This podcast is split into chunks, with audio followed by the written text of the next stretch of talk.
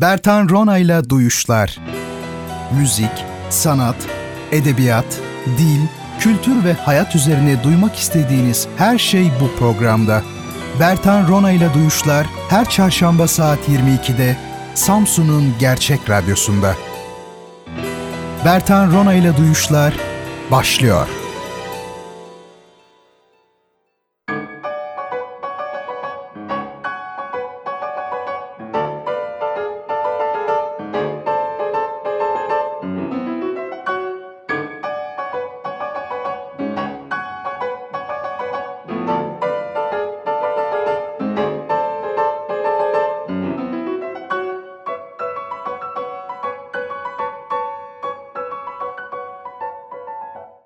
Bundan böyle her çarşamba saat 22'de naklen ve her pazar saat 21'de banttan sizlerle birlikte olacağım.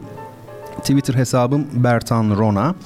Ee, buradan bana varsa eğer e, sorularınızı ve önerilerinizi yöneltebilirsiniz.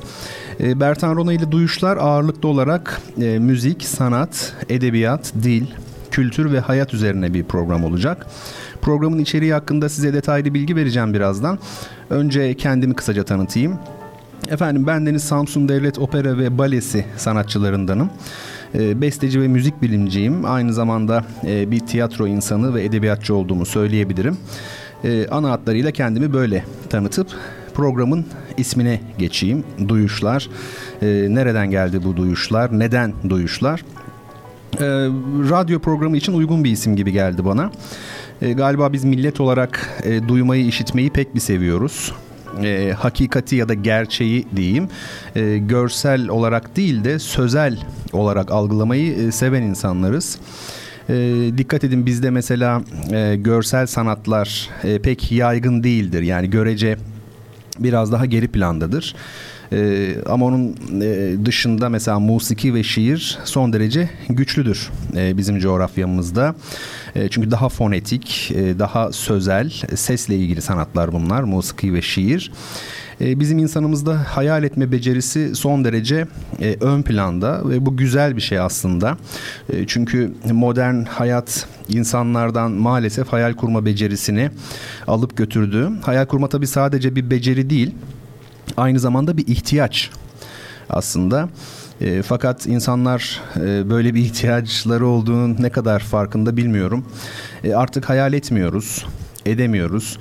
E, hayal etmek isteyebileceğimiz her şey çünkü e, filmlerle olsun, e, şovlarla olsun, bilgisayar oyunlarıyla olsun e, gözlerimizin önünde e, bu koşturmaca içinde de e, görsel kültürün bu tahakkümü altında da herhalde hayal etmeye pek e, imkan ve gerek kalmıyor.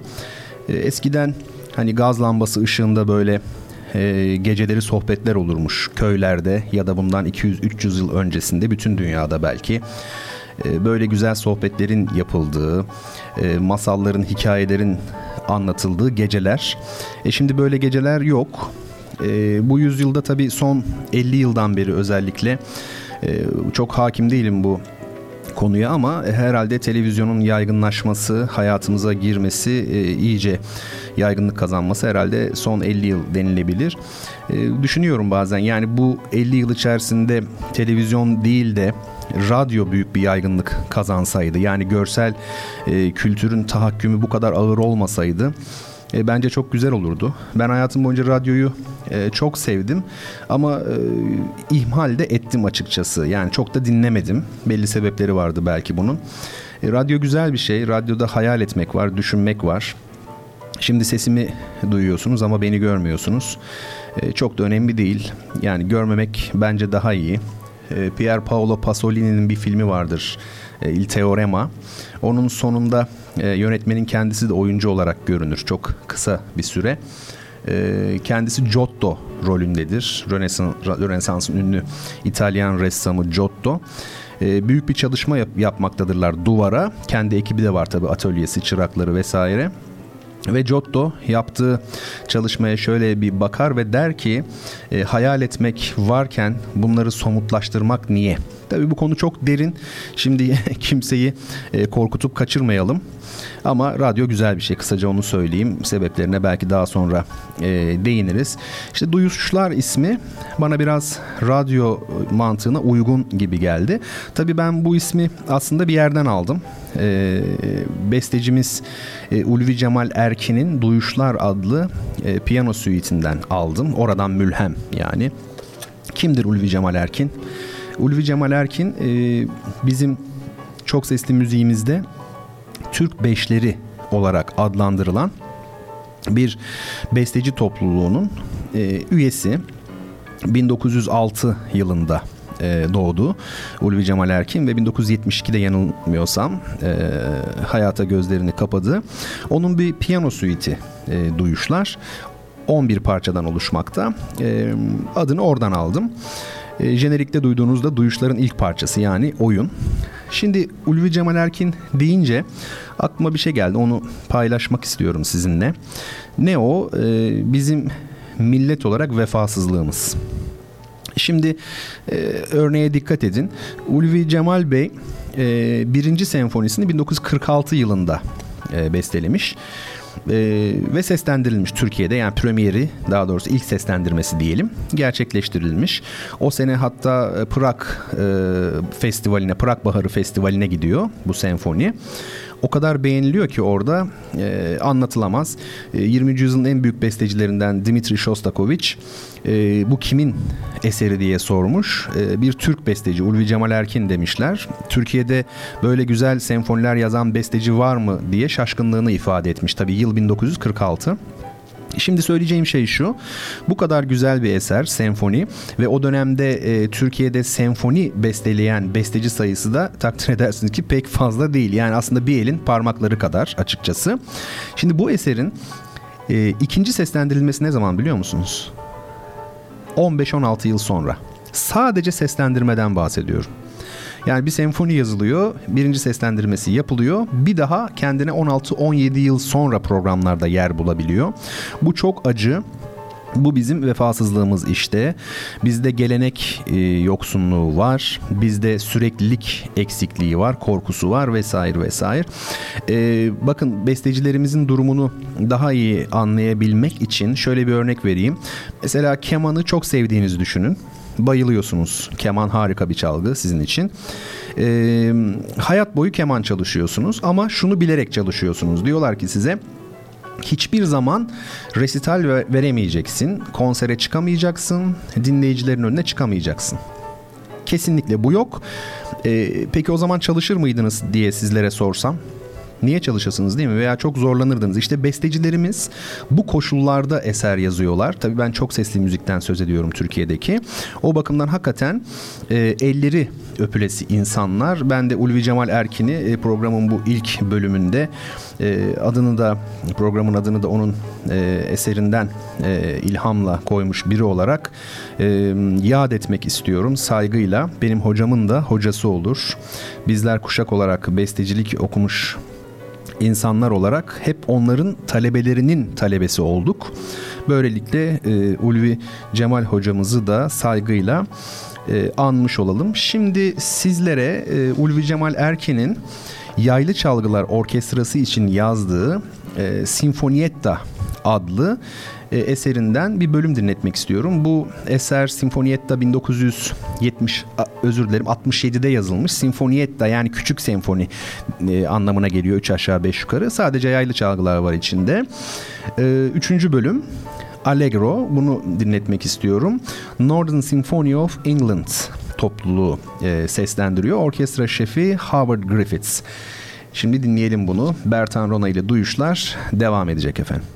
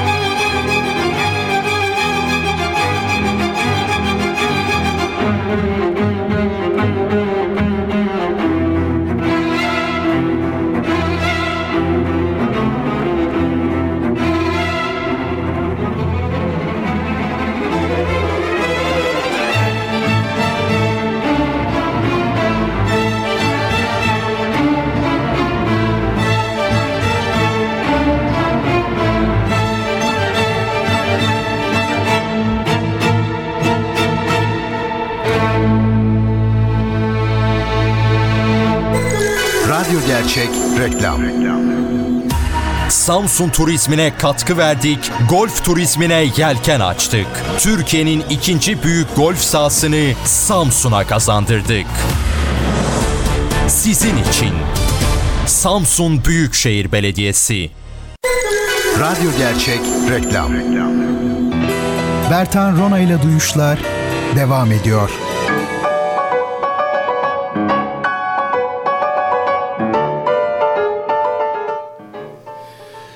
Sevgili dinleyicilerim, Radyo Gerçek'te Bertan Rona ile Duyuşlar programındasınız.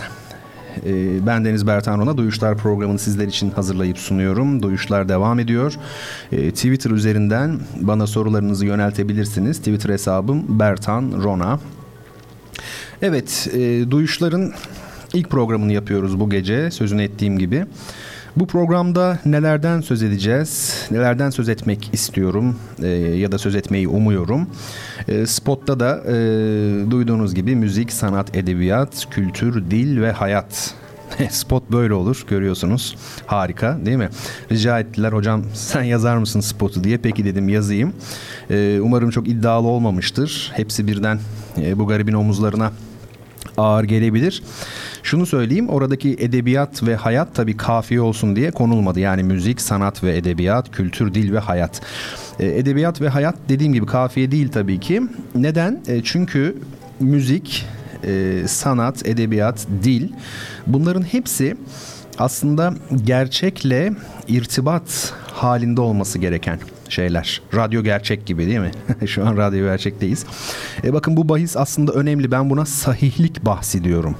Yani gerçeklik bahsi. Günümüzde hani az önce söz ettim ya insanlar artık hayal etmeyi unuttu diye.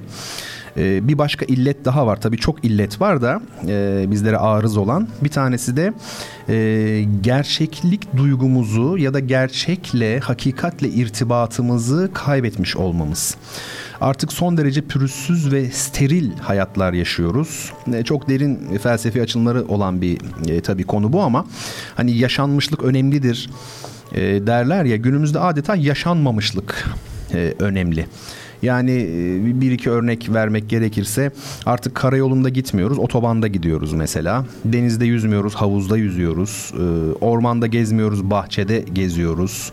Müstakil evimizde değil, sitede oturuyoruz vesaire ne sakıncası var otobanda gitmenin e, çok konforlu hiçbir sakıncası yok belki de e, otoban güzel bir şey tabii e, bir hayli kısaltıyor yolu ama gerçekle kontaktınız azalıyor. Yani siz eski yolları e, hatırlayacak bir yaştadır belki dinleyicilerim. Yani virajlı yollar, işte efendim sollamalar, işte sağ tarafta bir amcamı görüyorsunuz çalışırken vesaire. Yani hayatın daha içindeydi. Şimdi otoban çok pürüzsüz, çok steril. E, her alanda bu böyle. E, şimdi zaman zaman e, duyduğumuz adını medyada e, duymaya başladığımız isimler oluyor, e, sanatçılar çıkıyor. Ama şöyle bir bakıyorum e, bir proje olarak çıktığı o kadar belli oluyor ki bu isimlerin. Yani bir marka yapılmaya çalışıldığı işte efendim imajıyla vesaire her şeyiyle son derece açık oluyor gerçekten. Bir yapaylık söz konusu. Yani hakikatle bir e, şey yok, kontakt yok. Şimdi bu çok önemli. Mesela beni şu an dinleyen öğrenciler varsa e, bakın onlara da bir örnek vereyim. Bu arada öğrenci e, kelimesini hiç sevmediğimi de beni tanıyanlar bilir. Çünkü öğrenci çok böyle afaki geliyor bana yani öğrenir ya da öğrenmez. Ama talebe dediğinizde yerine oturmuş oluyor. Çünkü talep eden demektir talebe ve siz e, talep etmeyene hiçbir şey öğretemezsiniz. Ben 10 yıl üniversite hocalığı yaptım e, hasbet takdir ve bunu gördüm. Ancak öğrenci talep ettiğinde bir şey öğrenebiliyor. İşte o zaman talebe oluyor zaten. Şimdi ne diyeceğim talebelere? E, şunu söyleyeceğim.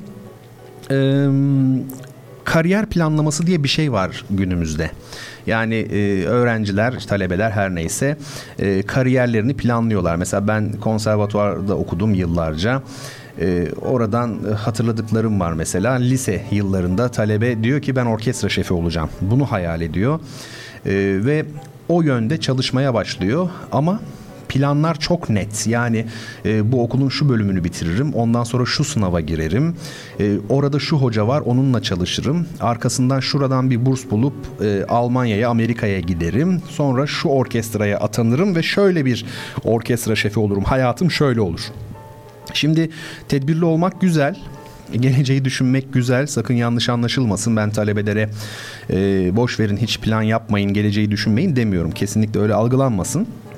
Ama burada bir sıkıntı var. Bir insanı e, kariyer planlaması eğer orkestra şefi yaptıysa ben onu hemen anlarım bageti yani o orkestra şeflerinin kullandığı çubuğa baget diyoruz.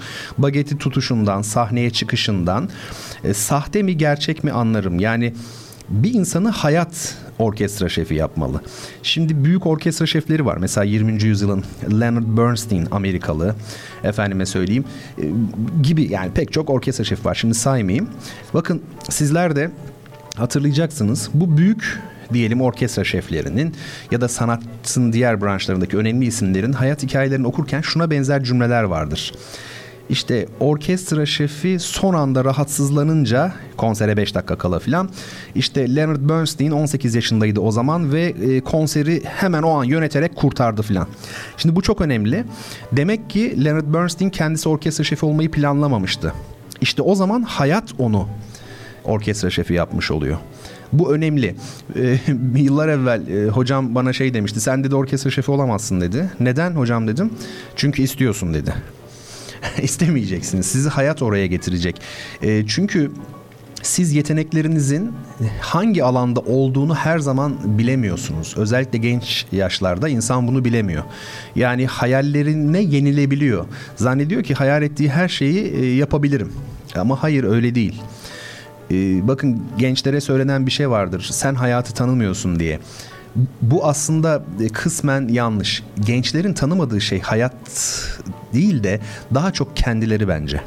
İnsan kendini çok geç tanıyabiliyor ve dolayısıyla çok e, erken yaşlarda e, ben şunu olacağım, bunu yapacağım. Özellikle sanat için tabii konuşuyorum.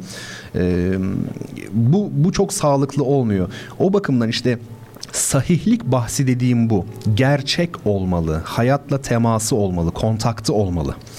Ee, çok sesli müzik camiası e, bilirsiniz böyle biraz snoptur. İğneyi kendimize batıralım. E, efendim diğer müzik e, dallarını biraz küçük görebilirler. Ama ben bazen bakıyorum bir e, arabeskçi, arabeski de çok severim yerine göre onu da söyleyeyim. E, söylediğinde eğer o gerçekse, samimi ise hayatıyla, duruşuyla o belli oluyor inanın ki. Tabii o alanın da projeleri var, proje isimleri var. O başka ama gerçekse, samimi ise sahte çok sesli müzikten daha fazla tercih ediyorum. Çünkü bu bizim çok sesli müzik alanında da yani klasik batı müziği alanında da e, proje isimler var. Hatta çoğu öyle artık. Bu da bir popüler piyasa maalesef. Şimdi e, biraz alıp başımı gittim. Özür dilerim ben böyleyim. E, her şey birbiriyle bağlantılı çünkü. E, bu programda, Duyuşlar programında e, zaman zaman sizlere e, bir takım kitaplardan bahsedebilirim. Bunu da planlayarak yapmayacağım. E, o günlerde elimde ne varsa daha doğrusu beni ne heyecanlandırıyorsa onu getireceğim stüdyoya. E, yine aynı şekilde filmlerden bahsedebilirim. Çeşitli yazarlardan, şairlerden, yönetmenlerden söz edebilirim. Sizlere kendimce tanıtmak isteyebilirim. E, az önce yaptık zaten müzik e, dinleriz birlikte. Sizin önerileriniz varsa bu konuda Twitter'dan yazın bana ne olur. Şunu dinlemek isteriz veya şu konuyu ele alın güzel olur. E, aklınıza takılan ne varsa yazabilirsiniz. Zaman zaman Eşref Saatinde şiir okurum. Benim öyle şiir okuma e, hey heylerim gelir zaman zaman. E, tabii Twitter'dan takip eden dostlar bilirler. Biraz dil merakım var benim. Zaman zaman e, etimolojik sohbetler yaparız etimolojiyle ilgili ama burada şu çok önemli. Tabii bir kelimenin ya etimoloji bir oyun değil. Bir kelimenin e, kökenine inersiniz. İşte ah ne güzel sütlaç sütlü aştan geliyormuş. O harika filan. Ya bunun çok bir esprisi yok. Sütlaçın nereden geldi? O değil. Ama bir kelimenin e, kökenindeki e, değişiklik daha doğrusu tarih içerisinde gösterdiği değişikliğin kavramlarla ilgisi bizi kültür tarihine götürüyorsa işte o zaman önemli. Benim ilgilendiğim kısmı da bu. E, bunlardan söz edebiliriz.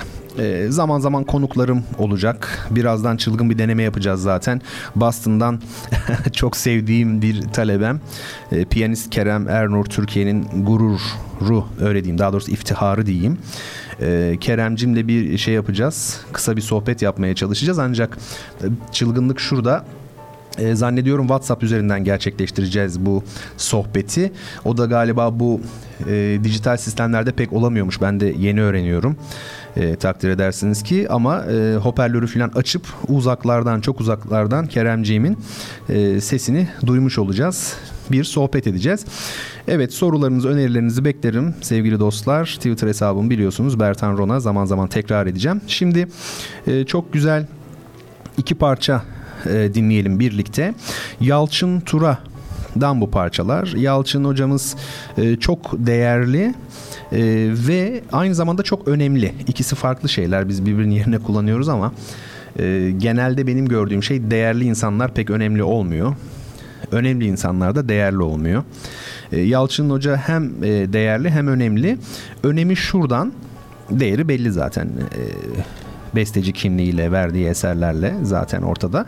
Önemi de şurada. Türkiye'de çok sesli müziği de yani klasik batı müziğini de klasik Türk musikisini de çok iyi bilen hocalarımızdan bir tanesi. Aynı zamanda film müzikleri de yapmış, popüler müziklere de imza atmış. Çok değerli bir bestecimiz. E, Yalçın Tura hocamızın e, keman ve piyano için yazdığı 3 Vals isimli bir eseri var. Ben şimdi 3 e, valsten birinci ve üçüncü bölümleri sizlere dinletmek istiyorum. Birinci bölüm vivace yani canlı anlamına geliyor. Üçüncü bölümde allegretto yani e, yürükçe diyelim yani bunlar tempo e, tabirleri. Kemanda Hakan Şensoy, e, piyanoda Zeynep Yaman Türk, Bertan Rona ile duyuşlar devam edecek.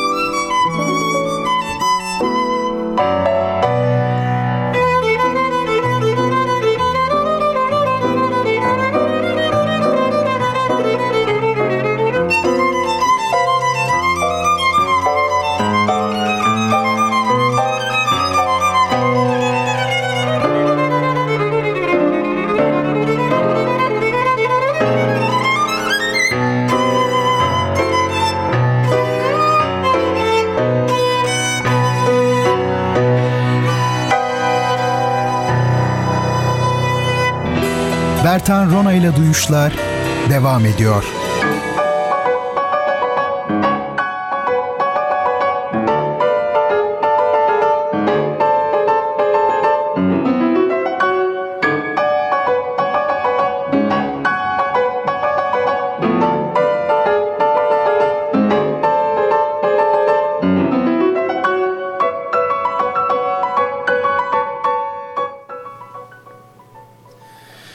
Sevgili dostlar, Radyo Gerçek'te Bertan Rona ile Duyuşlar programındasınız. E, Duyuşlar programını ben Bertan Rona sizler için hazırlayıp sunuyorum. Twitter üzerinden bana sorularınızı yöneltebilirsiniz. Hesabım Bertan Rona. Bahsettim. Zaman zaman duyuracağım sizlere. e, şimdi sizlere e, çok sevdiğim birinden söz etmek istiyorum. E, sevgili Kerem Ernur. Kerem e, Türkiye'nin e, önemli genç kuşak piyanistlerinden biri. Tabii böyle deyince Kerem'i böyle e, yaşlı zannetmeyin. Keremcim daha 17 yaşında ama e, ülkemizin e, iftihar kaynağı diyebiliriz. Gerçekten şu an çok çok iyi bir e, düzeyde ve e, geleceğin önemli konser piyanistlerinden biri. E, şimdi biz Kerem'le çocukluğundan beri birlikteydik. Hani şey denir ya ne derler onun adına e, elimde büyüdü böyle çok klişe bir ifadedir ama hakikaten öyle diyebilirim Kerem için. Ben 2010 yılında İstanbul'dan Samsun'a geçtim. Devlet Opera ve Balesi kuruluyordu çünkü burada. Ve burada koro şefiydim o zaman. E, sevgili Keremcim de bir çocuk korosu kurmuştuk. Orada koristti. E, küçüktü tabii o zaman. Sonra ben e, ve bir iki büyüğü birlikte Kerem'i piyanoya yönlendirdik. Çünkü ben Kerem'in yeteneğini e, anlamakta gecikmedim. Ve Kerem e, işini çok ciddiye aldı. E, devlet sanatçımız, e, piyanist Gülsün Onay hanımefendi ile çalıştı. Yine bizim şu an Devlet Opera ve Balesi e, genel müdürü olan, e, benim de hocam olan e, çok değerli Selman Adayla e, sevgili hocamla çalıştı ve bir hayli ilerledi. Pek çok da ödül aldı. Şimdi de Amerika'da şu an itibariyle Boston'da orada bir yarışmaya gitti sevgili Keremcim. İki gece evvel bunu almış beni aradı. Kerem'in öyle bir özelliği var. Kerem bunu aldığı zaman beni arar. Ben de onu motive ederim. Biz böyle telefonda sevişiriz onunla. E, şimdi de Kerem canlı yayında benim konuğum e, Boston'dan bağlanıyor. Bakalım bu internet üzerinden görüşmeyi bu cihazda yapabilecek miyiz? Deneyelim bakalım. Keremcim hoş geldin. Beni duyuyor musun? Evet hocam duyuyorum. Hoş bulduk. Nasılsınız? Teşekkür ederim Kerem. Sağ ol. Sen nasılsın? İyi misin? İyi, iyiyim. Ben de teşekkür ederim. Şimdiden yeni programınızı kutlarım. Canım benim. Çok teşekkür ederim. Orada saat kaç şu an? Ee, orada burada şu an saat iki buçuk. İki buçuk. Öğleden sonra iki buçuk. Yani sekiz saat geri mi oluyor orası? Evet aynen öyle. Harika. Ee, nasıl bastın? Bize biraz anlatsana bastığını. Boston şu an bayağı soğuk. Ee, normalde Ankara'ya gittiğim zaman her zaman çok soğuk burası derdim ama en son Boston'ı gördüm ve e, gerçek soğuğu anlamış durumdayım şu an. Öyle mi? Çok mu soğuk? Evet. E, yani minimum iki atkı takmak zorunda kalıyorum dışarı çıkarken. Oo.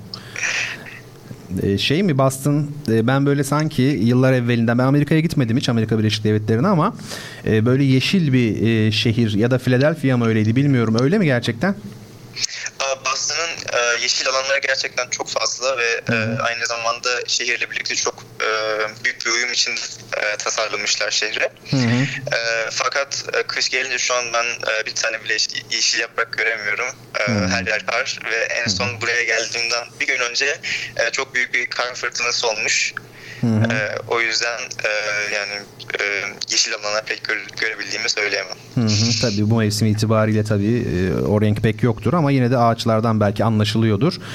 Harika. Evet. Ee, nasıl daha iyisin değil mi? Pazartesi akşamı biraz e, değil mi dertliydin hafif konuştuk. Şimdi daha iyisin değil mi? Evet hocam yavaştan stres yapmaya başladım. Ee, sınav zamanları gelince Hı-hı. böyle oluyor. Ee, o kadar çalışmadan sonra hı hı. E, son 10 dakika içinde çalmak gerçekten zor bir olay. Hı hı hı. Ee, aynı zamanda verdiğiniz destekler için de size çok ah, teşekkür canım ederim. Benim. Ne demek zaman, her zaman. Sıkılsam sizi arıyorum. Ay canım, tabii ki tabii ki ara. Ee, dediğim gibi yani her zaman arayabilirsin o problem değil. Tabii ben e, sevgili dinleyicilerime Kerem'le ilgili bir şey söyleyeyim. Kerem işte heyecanlanıp beni arıyor ama e, bu Kerem'in böyle e, amatör bir piyanist olduğu anlamına gelmiyor. Öyle anlamayın. Kerem'in e, kazandığı ödülün haddi hesabı yok. Bu aslında Kerem'in kendi işine duyduğu saygıdan bence kaynaklanıyor. Bu harika bir şey.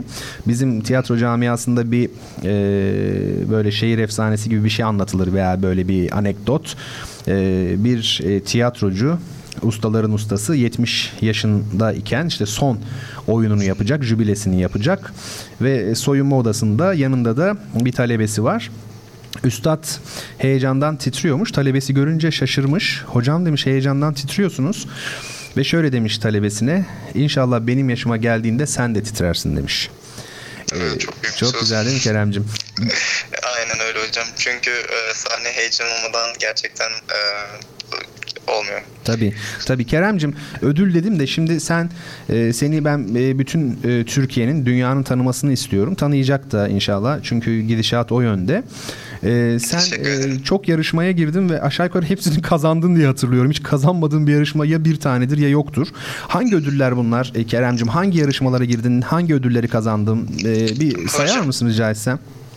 E, hocam ben e, ilk yarışmama e, 15 yaşında başladım. E, Türkiye'de katıldım. E, Bodrum e, Adnan Saygun piyano yarışmasına. O andan itibaren şu an 3 sene geçti. Toplamda 8 yarışmaya katıldım. Hı hı. E, e, bunlar e, katıldığım uluslararası piyano yarışmaları arasında e, Bodrum Adnan Saygun yarışması var 2013'te. Hı hı. Ondan sonra ilk e, yurt dışı deneyimim olarak Bulgaristan'a gittim. Hı hı. Bulgaristan'da e, Veliko Tarnova piyano yarışmasında üçüncü oldum. Harika. Sonra e, İzmir piyano yarışmasında üçüncü oldum Türkiye'ye gelerek. Sonra Bulgaristan'a gitmeye karar verdim yeniden ve e, Classical and Contemporary yarışmasında ikinci oldum. Çok güzel. En son e, 2016 yılında e, 4 yarışmaya birden katıldım.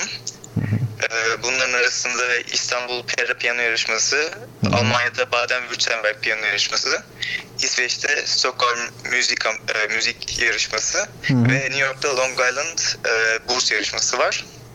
Ve bunlarda da e, birinci oldum. Oh oh oh. Ee, herhalde katılıp da dereceye girmediğin yok hakikaten yanlış hatırlamıyormuşum. Ee, tebrik ediyorum seni.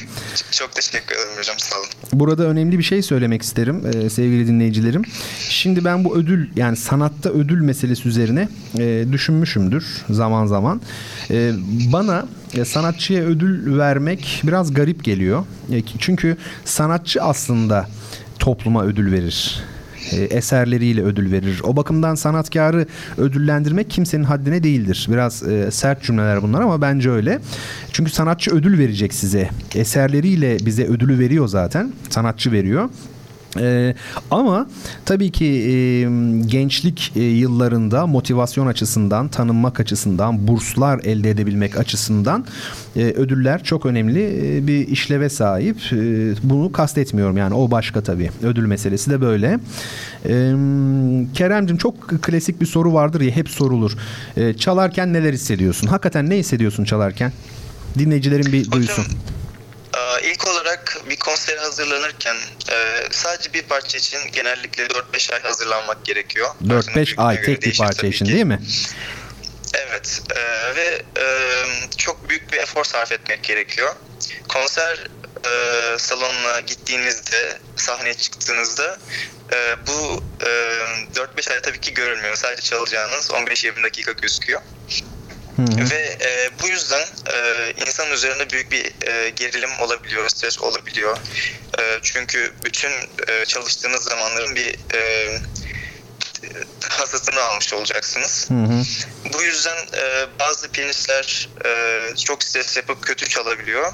Bu kesinlikle yapılmaması gereken bir şey. Ben ilk başta e, çalmama, çalmadan önce mutlaka bu çalıştığım bütün anları unutup müziğin kendisine odaklanmayı e, düşünüyorum. Müziğin kendi güzelliğini aynı zamanda ve çaldığım eserlerin e, yazılış tarihlerine göre yaşanmış olayları, tarihleri çok önemli. Hı hı. Ve ben de aynı zamanda çalarken bulunduğum e, duygusal anların e, duygusal anları yansıtmayı çok seviyorum.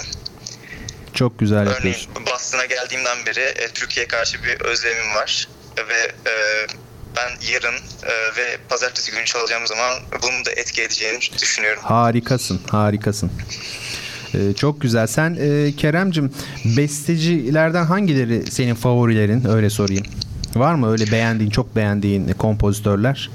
Evet hocam. E, benim genel olarak e, sanat alanında en çok sevdiğim akım empresyonist akım olur. Hı hı. E, bu yüzden Debussy, Ravel ve Frank'ın eserlerini çok seviyorum. Fransız müziğini, evet. Debussy'nin Karda Ayak İzleri Prelüdü ya da Havai Fişekler Prelüdü, Ravel'in Gecenin Şeytanları hı hı. adlı eseri ve Frank'ın Prelude Koral varyasyonları çok önemli parçalar bence. Çok seviyorsun. Burada tabii e, dinleyicilerimizin bir kısmına belki bu e, adlar çok spesifik gelmiş olabilir ama aslında inanın ki öyle değil. E, biraz yakından bakıldığı zaman e, inanılmaz e, şeyler e, anlıyorsunuz, görüyorsunuz. Mesela Rahmaninov diye büyük bir e, Rus besteci var. E, bu piyano edebiyatının en önemli bestecilerinden biri. Rahmaninov diyoruz. Bunu zaman zaman da e, yazmışımdır e, sosyal medyada. Rahmaninov'un adı bizim e, din kültürü ahlak bilgisi derslerinde okuduğumuz El Esmaül Hüsna e, da Rahman vardır. Orada geçiyor mu gerçi ben de atmış olmayayım ama e, bildiğimiz Rahman ismi aslında Rahmaninov. E, çünkü Tatar kökenli, Türk kökenli bir besteci esasen. Tabi Ruslaşmış Efendim. Dolayısıyla aslında e, klasik Batı musikisi içerisinde, Batı müziği içerisinde bizden çok fazla şey var. Biz bir cihan medeniyetiydik. Ben hala da öyle olduğumuza inanıyorum. Ve e, sadece Rachmaninov değil sayısız örnek verilebilir. E, Mozart'ın Saraydan Kız Kaçırma operası vardır. Hepimiz duymuşuzdur. E, bu saray e, mesela e, ya Topkapı Sarayı ya da Mısır'daki bir saray. Yani her halükarda Osmanlı Sarayı e, Türk operaları o dönemde Avrupa'da çok modaymış e, böyle küçük bir e, parantez açmış olayım.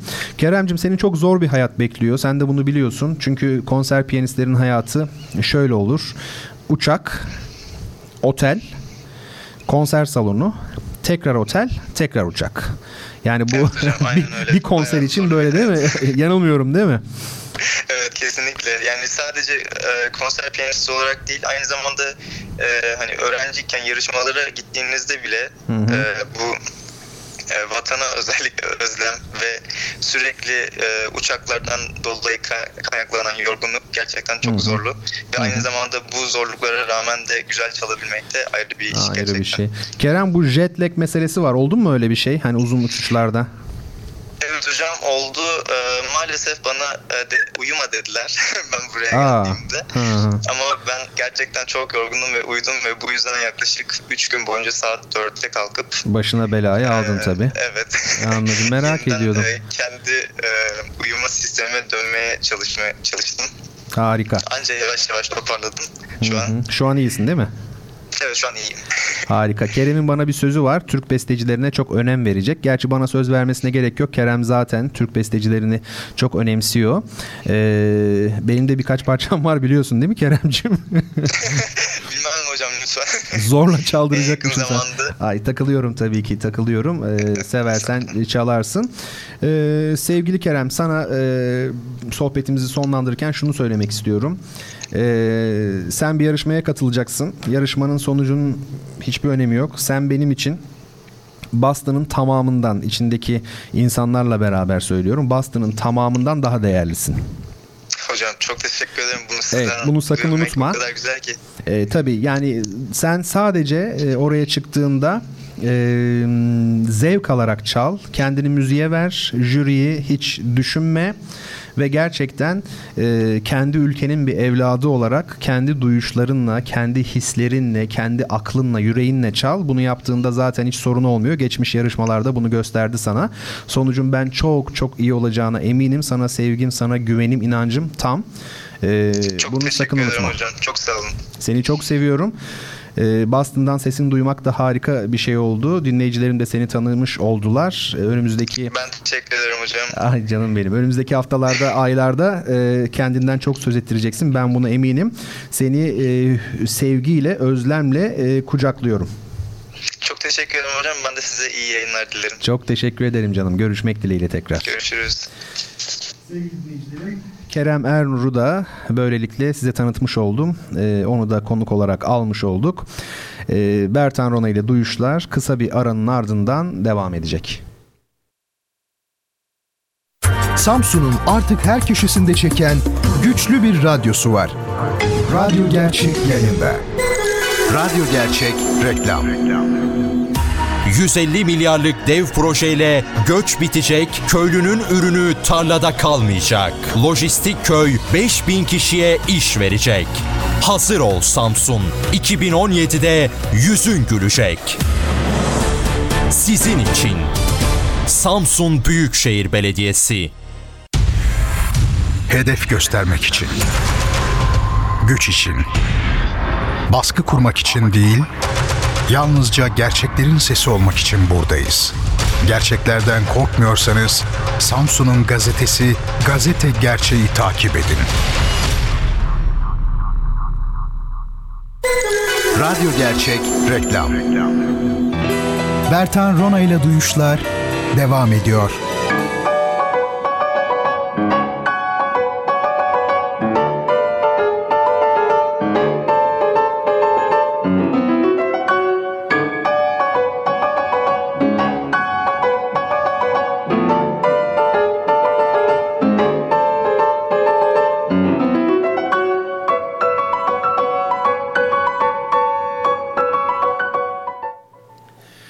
Sevgili dostlar, Radyo Gerçek'te Bertan Rola ile Duyuşlar'da birlikteyiz. Ben Deniz Bertan Rola, Duyuşlar programını sizler için hazırlayıp sunmaktayım. Ee, Twitter üzerinden bana sorularınızı, varsa önerilerinizi ulaştırabilirsiniz. Twitter hesabım Bertan Rona. Ee, aslında e, sorular da gelmiyor değil ama e, sanatın, müziğin tarihçesinden bizi haberdar edin diyen dostlar var. Neden e, sanat, sanata insanın ne tür e, bir ihtiyacı olabilir, hangi anlamda ihtiyacı olabilir diye sormuş bazı arkadaşlarımız. E, bunları tabii ki yanıtlamayı istiyorum ama bu ilk programda galiba zamanımız buna yetmeyecek. Daha geniş zamanlarda sözüm olsun, e, yanıtlayayım. Evet, programın bu son bölümünde size e, bir kitaptan e, söz etmek istiyorum. E, buraya gelmeden önce elimin altındaydı. E, son günlerde bayağı böyle bir e, zevk ediyordum öyle söyleyeyim. O nedenle getirdim buraya. Bu yeni çıkmış bir kitap değil aslında bir klasik. Yahya Kemal Beyatlı'nın Kendi Gök Kubbemiz adlı kitabı. Ee, söylemiştim benim dil merakım e, çoktur, dile merakım daha doğrusu çoktur. Kendim de e, haddimi bilerek bir takım e, şiirler yazıyorum, edebi ürünler vermeye çalışıyorum. E, zaman zaman dostlar bana soruyorlar, hocam en güzel Türkçe nerededir? Bu aslında çok yerli yerinde bir soru ama cevaplaması çok zor bir soru normalde. Fakat elimdeki kitap öyle bir kitap ki bu zor sorunun cevabını kolaylaştırıyor. En güzel Türkçe nerededir? İşte buradadır efendim. Kendi gök kubbemiz Türkçenin e, zirve yaptığı bir kitaptır. Dünya üzerinde bundan daha güzel bir Türkçe işitilmemiştir. E, olamaz. Bunu zannediyorum e, edebiyatçılar da teslim edeceklerdir. E, ben e, kendi gök kubbemiz için Türkçenin kullanım kılavuzu diyorum. Yani muhteşem. Böyle bir e, Türkçe hakikaten e, yok. İşte öz Türkçeciler var biliyorsunuz veya çok ağdalı e, dilden yana olanlar var. İşte bu ikisi acaba e, telif edilebilir mi, birleştirilebilir mi diyenler var. İşte bu kitap bunun cevabı. Gerçek Türkçe nasıl olmalının cevabı bu kitapta. Tabii Yahya Kemal üzerine e, müstakil bir program yapmak lazım. Belki de bir yıl program yapmak lazım. O e, bir bahsi diğer. Ama ben şimdilik e, size bir şiirini okumak istiyorum. E, içimden geldi öyle e, dedim ya Eşref Saati olabilir diye hemen e, oldu da. E, bu şiirin adı Açık Deniz. Bilenler iyi bilir. E, şu an beni dinleyenler arasında e, edebiyat talebeleri de var. Ben e, tahmin edebiliyorum onları. E, bilirler bu şiiri. E, Yahya Kemal e, Türk şiirinde belki de denizi en güzel ifade etmiş şairlerin başında gelir. Yahya Kemal ile ilgili e, bir şeyler okumak istiyorsanız ben Ahmet Hamdi Tanpınar'ın yazdıklarını öneririm. Bunlara müracaat edebilirsiniz. E, Tanpınar bildiğim kadarıyla yanlışım varsa e, affınıza sığınıyorum. Yahya Kemal'in e, talebesidir. Onunla ilgili de pek çok şey yazmış bir isim. Ahmet Hamdi Tanpınar tabii kendisi de olağanüstü bir şair ve romancı, edebiyat insanı. Ee, açık Deniz'i şimdi ben bir okumaya çalışayım sizlere. Dediğim gibi Türk Edebiyatı'nda belki de deniz bu kadar güzel hiç anlatılmamıştır. Bakalım Yahya Kemal e, denizi nasıl anlatmış? Tabi hep arka planda bir Osmanlı çağrışımıyla birlikte anlatıyor Yahya Kemal Deniz'i. Şimdi e, Açık Deniz şiirini şöyle size e, seslendirmek istiyorum, okumak istiyorum. Sürçülisan edersem affınıza sığınıyorum. Açık Deniz Balkan şehirlerinde geçerken çocukluğum her lahza bir alev gibi hasretti duyduğum. Kalbimde vardı bayrını bedbaht eden melal, gezdim o yaşta dağları hulyam içinde lal, Aldım Rakov çakırlarının hür havasını, duydum akıncı cedlerimin ihtirasını. Her yaz şimale doğru asırlarca bir koşu, bağrımda bir akis gibi kalmış uğultulu. Mağlupken ordu, yaslı dururken bütün vatan, rüyama girdi her gece bir fatihane zan.'' Hicretlerin bakiyesi hicranlı duygular, mahzun hudutların ötesinden akan sular, gönlümde hep o zanla beraber çağıldadı. Bildim nedir ufuktaki sonsuzluğun tadı. Bir gün dedim ki istemem artık ne yer ne yar.'' Çıktım sürekli gurbete, gezdim diyar diyar, gittim o son diyara ki serhaddidir yerin, hala dilimdedir tuzu, engin denizlerin. Garbın ucunda son kıyıdan en gürültülü bir med zamanı gökyüzü kurşunla örtülü. Gördüm deniz dedikleri bin başlı ejderi. Gördüm güzel vücudunu zümrütleyen deri, keskin bir ürperişle kımıldandı an be an. Baktım ve anladım ki o ejderdi canlanan.'' Sonsuz ufuktan ah o ne coşkun gelişti o. Birden nasıl toparlanarak kükremişti o. Yelken, vapur ne varsa kaçışmış limanlara, yalnız onundu koskoca meydan ve manzara. Yalnız o kalmış ortada, asi ve bağrı hun. Bin mağara ağzı açmış ulurken uzun uzun, sezdim bir aşina gibi heybetli hüznünü.'' Ruhumla karşı karşıya kaldım o med günü. Şekvanı dinledim ezeli muztarip deniz. Duydum ki ruhumuzla bu gurbette sendeniz. Dindirmez anladım bunu hiçbir güzel kıyı. Bir bitmeyen susuzluğa benzer bu ağrıyı. Evet, bu şiir üzerine e, konuşmak da biraz şey yapacak, e, zor olacak. Bu arada müziğin e, daha doğrusu şiirin özür dilerim altında müzik olmadığı için ne kadar mutlu olduğumu size anlatamam. Çünkü en sevmediğim şeylerden biri e, şiir okunurken altta müzik olması. Bu o kadar e, artık ayyuka çıkmış bir saçmalık ki e, pek çok şairimiz de maalesef e, çıkardığı e, çıkardıkları e, şiir kasetleri ya da CD'leriyle her neyse e, bunu yaptılar bu CD'lerde, kasetlerde. Altta hep bir müzik oldu. Ben niye sevmiyorum bunu? Çünkü şiirin kendisi bir musiki içinde e, bir e, ritim var, bir tempo var. E, dolayısıyla iki e, müzik parçasını siz aynı anda dinleyebilir misiniz? Ne kadar rahatsız edici bir şey değil mi? Bu iyi kulaklar bunu bilirler.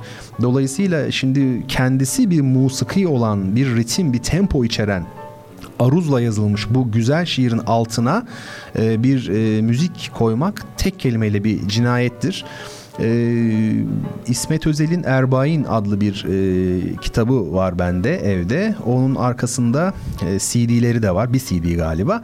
Orada İsmet Özel kendi şiirlerini okuyor ve altta hiç müzik yok.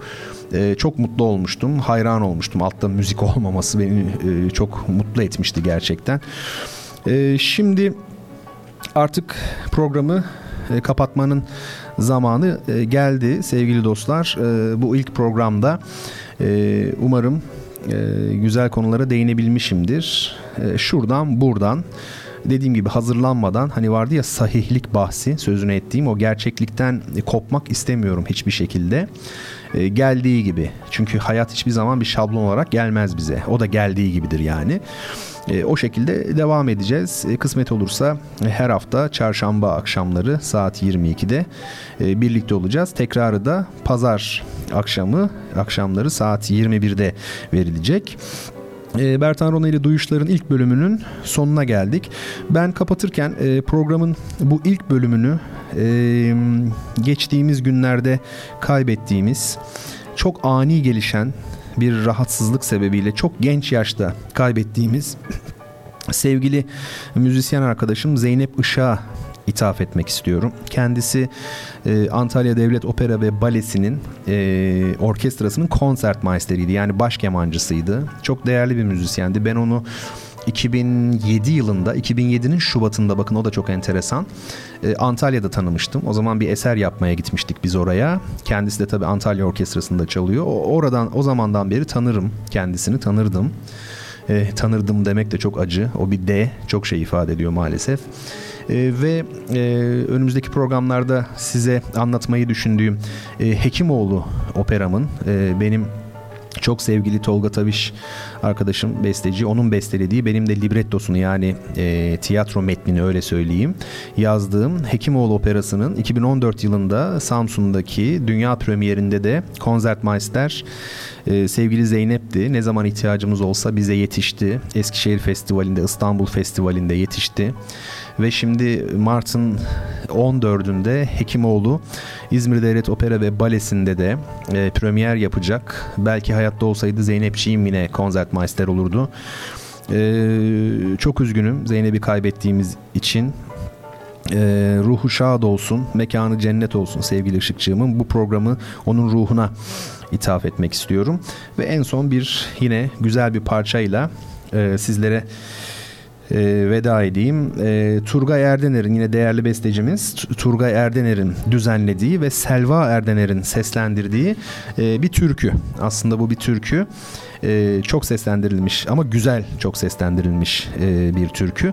Gökyüzünde tüten olsam. Haftaya aynı gün ve aynı saatte tekrar görüşebilmek dileğiyle e, hoşça efendim.